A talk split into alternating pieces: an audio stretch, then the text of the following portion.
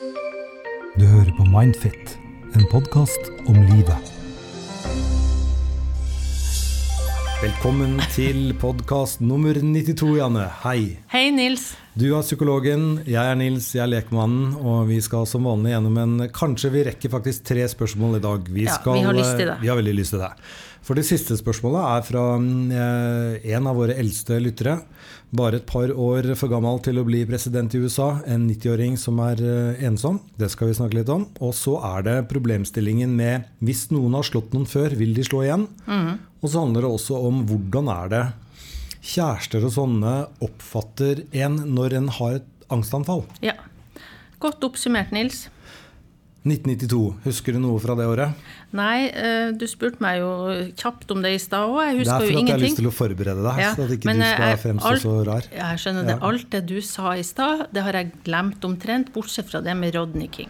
Ja, det var, jo, um, det var, jo, Rodney King eh, Han ble jo drept, og det var jo mm. store opptøyer. Mange mennesker døde. Over 50, tror jeg. Mm.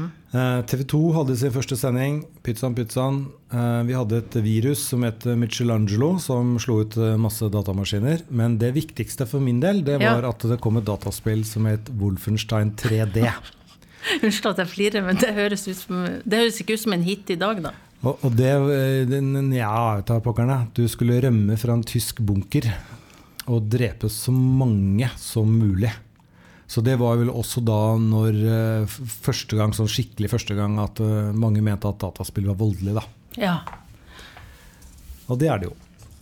Men da går vi altså til Ja, har du det bra sånn ellers? Du er ikke sjuk eller noe sånt da? Vi holder oss friske her i Trøndelag. Vi er jo heller ikke episenteret for korona, da. Nei. Men du har pasienter, liksom? Jeg har pasienter. Jeg har eh, mange på video. Jeg snakka jo litt om det sist. Eh, ikke bare for at de føler seg tryggere hjemme, men jeg har også en del folk som går til meg som har Altså som er i risikogruppa, ja. som må være veldig forsiktige. Og så syns jeg de er flinke. De kommer ikke når de er syke, og jeg kan jo heller ikke møte dem når jeg har noen symptomer. Så jeg har jo vært hjemme noen dager i høst, da. Mm. Men da tar jeg det på video. Ja, uh, fantastisk. Um, da tar vi første, da. Er du klar? Mm. Hei. Foreldrene til samboer var voldelig mot ham ved noen anledninger som barn. Jeg er derfor skeptisk til at svigermor kan passe barnebarna i dag, selv om hun fremstår som et snilt, tålmodig menneske i dag. Hva tenker dere? Kan folk forandre seg? De har aldri snakket ut om voldsepisodene. Jeg er så glad vi fikk dette spørsmålet, fordi jeg tror uh, dette er et sånn stort dilemma for mange som har opplevd, eller uh, Ja, dette med å liksom tenke at noen kan forandre seg. Ja, klart de kan det. Men det er ikke det jeg blir mest opptatt av her. For jeg tenker, skal en liksom uh, satse på at folk har forandra seg, eller skal en snakke om dette? Fordi her tenker jeg at hvis du har utsatt ditt barn i oppveksten for voldsepisoder. Eh, for at jeg skal stole på at du har forandra deg, så ville nok jeg ønska meg en samtale med disse svigerforeldrene. Og hvis de eh, går i forsvar, altså bagatelliserer det som har skjedd, eh, det ville gjort meg bekymra. Det ville vært et sånn rødt flagg for meg som mor, da. Mm -hmm. Jeg ville tenkt at Eh, ja, du kan forandre deg. Selvfølgelig også fordi mange sier jo det. Mange er jo mer oppfarende og stressa når de er småbarnsforeldre, enn det de er når de er besteforeldre. Og, og jeg hører jo mange historier om besteforeldre som skjemmer bort eh, barnebarna sine, men som var mye strengere som foreldre sjøl. Så jeg tror absolutt at, at, som besteforeldre så er det ikke sikkert du blir trigga i like samme grad som med dine egne barn. Men hadde jeg som mor vært engstelig for det her, så ville jeg hatt en samtale rundt det. Og jeg mener at disse svigerforeldrene, hvis de skal gjøre seg egentlig sånn kvalifisere for å ha ungene, så, så, må de kunne tåle det, da. Enig. Men så er det jo liksom eple og pære her, da. Eh, nå kan vi vel da forstå av denne innsenderen at det, er, det bare antar at det er liksom mannen hennes som har sagt at eh, foreldrene var voldelige mot ham ved noen anledninger men de har ikke snakket om det. Så det er liksom Er foreldrene enig i det, er jo, er jo en annen sak. Eh, hvor ofte var det, og alt, alt, det der. Men uansett så må man snakke om det. Fordi dette er jo hans opplevelse. Eh, men da er det også veldig lurt at, eh, at hun ikke bare sier til han du kan ikke du snakke med foreldrene dine om dette her. hun må være med. Jeg tenker òg det, ja. at hun må få lov å komme med sin skepsis. Mm -hmm. Jeg tror, dette, altså jeg tror det, dette er såpass krevende samtale for mange at, at, at, de kanskje unngår det og tenker at, at, det skal de ikke, det våger de ikke. Eller det kan være at han f.eks. nå vil vegre seg for han har ikke lyst til å nevne eller rippe opp i det her igjen. Men det handler jo om deres egne barn, at de skal få det trygt. Mm. Så, så, jeg tenker at det gjør at jeg mener at at dette er helt legitimt å ta opp. Eh, jeg tenker på det du sier om opplevelse, som er så viktig. Eh, det å kalle noe vold, det sitter jo langt inne for en som er utøver av vold òg. Mm. Fordi det er vondt å tenke på at noen andre har oppfatta deg, og du har påført andre smerte. Så, så, jeg tror nok uh, at for mange så kan kanskje første innskytelse være å gå uh, noe i forsvar.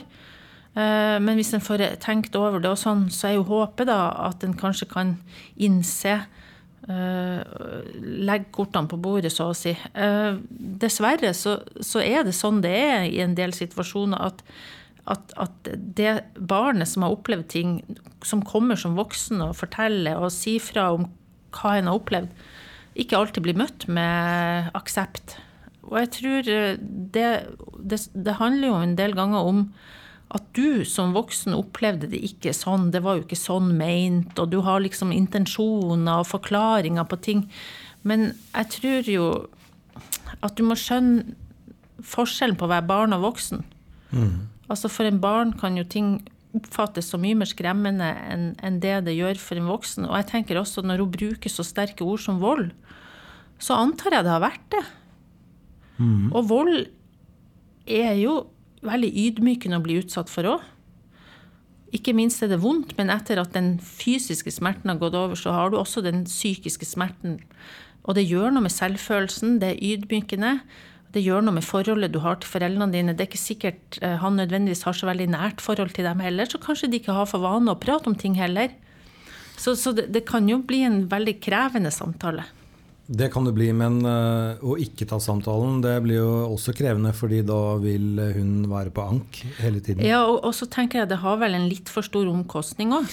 Ja. Men uh, For en kan jo si da at nei, besteforeldre er jo som regel greiere mot sine barnebarn enn de var mot egne barn.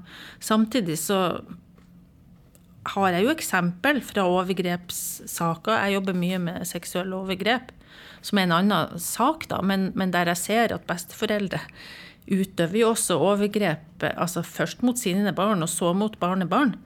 Sånn at det koster jo dyrt eh, for neste generasjon at du ikke tør å ta disse samtalene. Da er vi helt enige. Ja. Ta den samtalen og vær med. Og, du har, du og, og lykke til. Og lykke til, men hun har skrevet en. Ergo så klarer hun helt fint å dra i gang denne samtalen. Jeg, ja, også, jeg tror dette at vi Jeg tenker det viktige her er også Kanskje har ikke hun opplevd det kan godt være at, at det er vanskelig å, å, stå i det at du er bekymra for noe sånt når du har et så snilt menneske som det du har som svigermor i dag, da. Men, men, jeg oppmuntrer innsenderen til å være modig her. Tør mm. det. Vi ønsker deg lykke til. Da går vi over på spørsmål nummer to. Hei, jeg sliter mye med angst og får ofte anfall. Snakker med en terapeut annenhver uke. Kjæresten min vet at det er anfall, men ikke hvordan han skal støtte meg. Det sårer meg at han sier jeg overreagerer, og at det ikke er noe å være lei seg for. Siden det skjer ofte, er det som han ikke reagerer når jeg får anfall, og rett og slett ignorerer det og meg. Han ber meg om å slutte, og kan ende opp med å gå ut av rommet til jeg har roet meg ned. Jeg ønsker å kunne takle det selv, men det at han ignorerer meg, gjør bare anfallene verre. Jeg er fortvilet og usikker. Hva kan jeg gjøre? Jeg, jeg vil bare si at uh, det er faktisk sånn at flere av de som går til meg som har angst, altså det er jo den uh, Det kan være en gjenganger. Uh, det er annerledes å ha angst enn å stå på sida og ikke ha det. Sånn at dette at du opplever at de andre rundt ikke forstår det, det er en gjenganger i samtaler hos meg. Eh, det er derfor det er så viktig for meg, det må jeg få sagt, å få invitert partnere og folk som er i nær familie inn, sånn at vi kan få snakka om de tingene her. Så det vil jeg jo si i utgangspunktet her òg, at, at, kanskje hun skal ta med seg denne kjæresten til terapeuten. Mm. Og jeg håper dette er en terapeut som, som, er åpen for det. for jeg syns det er ofte veldig fruktbare samtaler. Uh, nei, for at han har jo ikke angst, og da er det jo ikke så lett å forstå. Uh, en kan forstå frykt. Jeg tenker en må begynne der. Altså, Frykt er jo noe vi alle kan Det har vi jo alle i oss. Og det er jo av en grunn. Det er jo for å kunne beskytte oss. Det er jo for å kunne overleve. Men, men angst er jo en fryktreaksjon som Eh, er på villspor eh, sånn sett utenfra. ikke sant? Fordi dette er jo ting han ikke forstår. Han tenker det er jo ikke noe å være redd for, så klart. Mm. Men det er interessant det der med, med, frykt, og hvor fort vi kan lære sånne forbindelser mellom frykt og, og forskjellige typer objekter eller eh, ja, ting vi kjenner på i kroppen, eller uh, hva som helst. Og i, på Universitetet i Tromsø så er det en som heter Åsli, som har forska på hvor fort vi lærer frykt, og han sier at eh, reaksjon, fryktreaksjon kommer på et tidels sekund. Mm. Det syns jeg er interessant, for det betyr at det er jo nærmest som en refleks. Og da vil jeg tenke at det er viktig å forstå for denne kjæresten mm. at dette er ikke viljestyrt. Altså for at veldig mange med angst har forstått De forstår det. De, når de roer seg ned, så forstår de jo at det er ingenting å være redd for. Men siden det skjer så raskt og er mer som en refleks, så er det vanskelig å kontrollere det der og da. Uh, men han, han, høres jo ikke ut som noen enabler, eller er han det? Hva er det for noe en? Altså, en som, eh, altså Han er ikke en kjæreste som på en måte forstår angsten i hjel og, nærmest dyrker den? Nei, det gjør han ikke, og det er jo en fordel, da. Ja, men på den annen side så kan det jo hende at hun nærmest får en, en mer heavy angst fordi han ikke ser den? Selvfølgelig, fordi en av de tingene som, som ligger i angst uh, for veldig Det er jo ulike årsaker til angst. Altså, noen av oss er jo redd for uh, slanger, høyder, uh, type konkrete ting. Men så har du jo også angst for å bli avvist. Dødsangst. Altså det, det, er mange årsaker og veier inn til angst. Men jeg tenker oppi det å ikke bli møtt i det sånn som hun blir, så får du en avvisning. Mm. Og det er klart at det kan forsterke opp angsten, sånn som hun sier. Eh, sånn at de har jo absolutt behov for å snakke om hvordan han skal hjelpe til å takle det her på en bedre måte. Det, det må, må de jo. For én ting er å slite med angst, en annen ting er å ha det så gærent på hjemmebane. Eh, altså En samboer, kjæreste eller noe sånt nå skal jo forstå partneren sin. Ja. Eh, sånn ferdig snakka. Ja, men, og jeg tenker et sted å begynne er jo som jeg sier, altså alle har vi jo noe vi er redd, er redd for. Og han òg må jo kanskje kunne leve seg inn i, i det å være redd. Eh, for det, den reaksjonen som kommer ved angst, er jo Den er jo, den er jo like sterk som, som, hvis det hadde vært en reell fare der. Mm. Eh, den er jo verre å håndtere òg fordi den er så uforståelig ofte. Så det er så viktig at de rundt uh, klarer å, å, stå i det i den forstand at de, uh, de holder seg rolig og sier at det går bra og det er trygt, og, og hjelper til ofte med å bare få pust, enkle pusteøvelser. Um, være der bare på en mm. sånn mer beroligende måte. Men samtidig, hvis det her skjer ofte, så ser du jo en slitasje hos, hos de nærmeste. Så, så, det er noe med at når det skjer veldig ofte, og, og folk står i det gang på gang, og kanskje ikke opplever som kjæreste da, at uansett hva jeg gjør, så hjelper det ikke, så kan en jo oppleve veldig mye hjelpeløshet òg.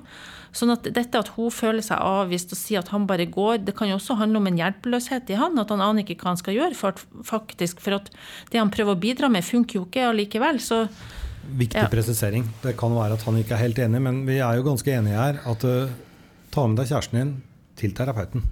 Veldig viktig. Ja, eh, dessverre. Her må jeg jo si dessverre, da, at en del terapeuter er litt sær. De vil liksom ikke ha inn. Altså, her er vi forskjellige hva vi tenker. Jeg tenker at uh, ingen lever i et vakuum. sånn at uh, for de som går til meg, så, så, er det viktig for meg å møte de som er rundt dem. Det er jo en ressurs, og, og det er også viktig at de får informasjon, og jeg har jo plikt til å gi dem informasjon òg. Så tenker jeg, jeg håper jo, altså Noen psykologer er litt mer sånn nei, jeg jobber bare individuelt. altså uh, jeg må jo bare si at jeg syns absolutt at det er viktig, og jeg håper dette er en terapeut som skjønner det, og de aller fleste gjør jo det. Det satser vi på. Ja. Da er det den, den, siste innsenderen, og jeg leser 90 år gammel dame som bor alene. Ensom og redd etter flere fall. Tar medisiner for hjerte og blodsirkulasjon. Stresser med barn som tydeligvis har nok med sine jobber. Med andre ord, jeg savner noen å snakke med om alderdom og ensomhet. PS. Jeg får kommunal praktisk hjelp. Det er utrolig bra at folk som er voksen, også setter litt ord på hvordan en har det. Det en ofte ser, vet du, det er at uh, psykisk helse hos eldre blir uh, ignorert. Uh, og når det var sånn opptrappingsplan for psykisk helse, så ble jo ikke eldre nevnt. Og nå har det jo blitt tematisert òg en del at at, at altså det er akkurat som det er noen myter ute og går, og at når du, dess eldre du er, dess mer kan du ikke endre det.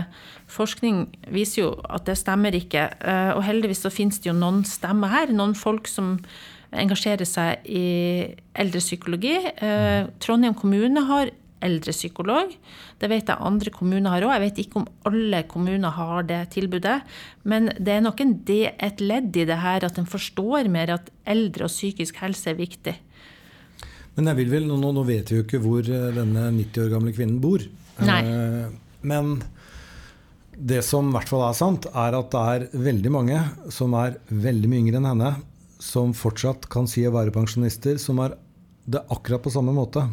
Så det er veldig mange eldre ensomme som kanskje har blitt eh, enker eller ektemenn, og som har barn og, og, sånne ting, som bor på andre steder av landet, og som har sitt eget liv, og man vil ikke være til bry.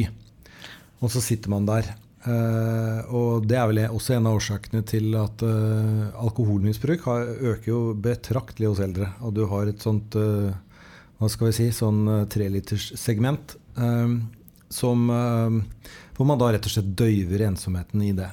Ja, og en ser jo også at uh, den vanligste psykiske lidelsen hos eldre, som i befolkningen ellers, er depresjon. Mm. Og her tror en jo også at det kan være en del mørketall. fordi erfaringa til de som jobber mye med eldrepsykologi, er jo at, at altså for noen år tilbake så var jo psykisk helse ganske tabubelagt, og mange rapporterer jo kanskje mer fysisk smerte. De rapporterer ikke på samme måte, de har ikke samme språk og, og evnen til å snakke om psykiske plager som kanskje nyere generasjon har. Eh, sånn at jeg tenker på det du sier òg, dette med at det er flere i samme bås. Og at når du har kommunal praktisk hjelp, så er vel det stedet å starte. Det må jo være folk som kan informere om hva som finnes. Ja, Av også. samtalegrupper ja. og pensjonistforeninger ja. og sånne ting. For det er drøssevis med foreninger um, rundt forbi. Og det fins helt sikkert altså, Det er bombesikkert en haug med mennesker som har lyst til å snakke med vår innsender. Men de vet bare ikke om hverandre. Og så har du dette med fall, da, som hun nevner. Uh, ja. Og hun nevner at hun er redd etter flere fall. Mm. Uh, for jeg vil ta litt tak i det òg. For jeg tenker hvis uh, denne innsenderen hadde fått hjelp, da, så er jo det en av de tingene en bør kunne få hjelp til. Fordi det er en kjensgjerning at hvis du er redd for fall, så, så er det jo nesten større sjanse for å falle på et vis òg, for du blir jo mer stiv i bevegelsesmønsteret. Det er jo også sånn at du kanskje isolerer deg mer, tør ikke gå ut. Så det kan være en del angst i det her med å være redd for fall. Uh, og også det at når du tar medisiner for hjerteblod altså Dette vet jeg, at når helsa begynner å svikte sånn somatisk, så er det mange som også får en redsel for å bevege seg. Ja. Uh, så det fins jo også hjelp å få så klart i forhold til dette med hjerte hjerte, blodsirkulasjon. Kanskje folk får liksom rett, tenker at de tør ikke belaste hjertet. Noe snarere tvert imot. ikke sant? Mm. Men, men en trenger kanskje kyndig hjelp til å tørre å bevege seg, tørre å, å komme seg litt ut. Ja. Men hun har barn. Hun ja. har flere enn ett. Så ja. å snakke med barnet og be barna og be om hjelp til å på en måte ordne det praktiske. Altså til å f.eks. ta kontakt med kommunen eller uh, foreninger og sånne ting, bare for å liksom hjelpe, slik at mor kan komme ut. Det er ikke for mye å be om. Absolutt ikke. Også, men samtidig her så tenker jeg at dette er jo altså En 90-åring som skriver til oss, er vel også en 90-åring som er i stand til å be om dette. Dette er en ressurssterk uh, dame òg. Eh, fordi det er sprekt. Eh, ikke sant? Mange 90-åringer de, de, tør ikke å, å, skrive til oss, skulle jeg se for meg da. Eh, sånn at her er det jo Det er noe, det er noe Hva heter det? Det er, litt, det er viljestyrke i denne dama. Jeg syns ja. jeg bare tolker det sånn. Da håper jeg at uh, hun bor et sted uh, med et kommunalt tilbud. Ja, jeg håper òg det. Men uh, i det hele tatt, det du snakker om med barna og sånn, kan jo likevel være et poeng i forhold til å tørre å være mer åpen og snakke om hvordan en har det. Og jeg vil her er det viktig å få normalisert. Det er ingenting å kjenne skam for. Det er i hvert fall sikkert. Det som du sier, dette er ting som mange kan streve med.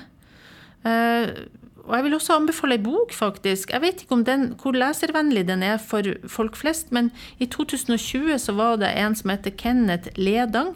Han skrev ei bok om, om eldrepsykologi. Det syns jeg er veldig flott på norsk. Mm. Og NAPA er det en sånn forening som heter Jeg var inne på sida deres, og der sto det et intervju med han og litt informasjon om eldre og psykisk helse. Så også for, for denne innsenderen, da, som Eh, kontakte oss, eh, som sikkert også da klarer å finne frem på internett, antar jeg. Og kan søke en del informasjon sjøl òg. Mm. Og det sto en del tips. Da håper jeg at eh, du har fått noen råd, og så er vi veldig glad for at du hører på. Og så håper vi at dette svaret ga deg noe. Ja. Og så tenker jeg at uh, Jeg bare tenker på en del 90-åringer 90 som jeg har kjent og kjenner, som er veldig spreke, og som finner på ting og fær ut. Og, altså det, det jo, kan jo være mange år igjen.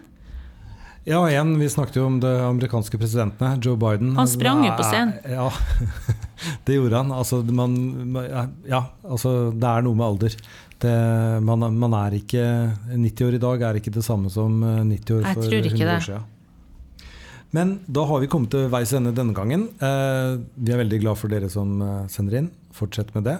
Og neste gang så er det altså nummer 93. Ja, så, Husker ingenting fra 93 heller, Nils. Nei, det, det gjør jeg. Så da, ja. da, da, skal jeg lære deg litt om ja. det. Jeg ser nå at vi har uh, falt inn i et mønster med hver tredje uke. Det, det er travle tider nå før jul. Det, det, er jo ikke det, da. Det er jo ikke noe julebord eller noe som helst. Nei, kanskje ikke for deg, men, alle unnskyldningene dine er borte. Kanskje ikke for deg, men for meg som har uh, hatt utrolig mye pågang i hele høst på pasienter og jobb. Vet du, jeg jobber jo mer enn noensinne etter at denne pandemien starta. Så det er litt av hvert å holde på med. Men uh, hver 14. dag, vi får det ikke alltid til, men hver 14. dag eller hver tredje uke, det får vi i det minste til. Det gjør vi, og da sier vi tusen takk for at uh, dere fulgte med oss. Ja, hei. Ha det bra. Du hører på Mindfit, en podkast om livet.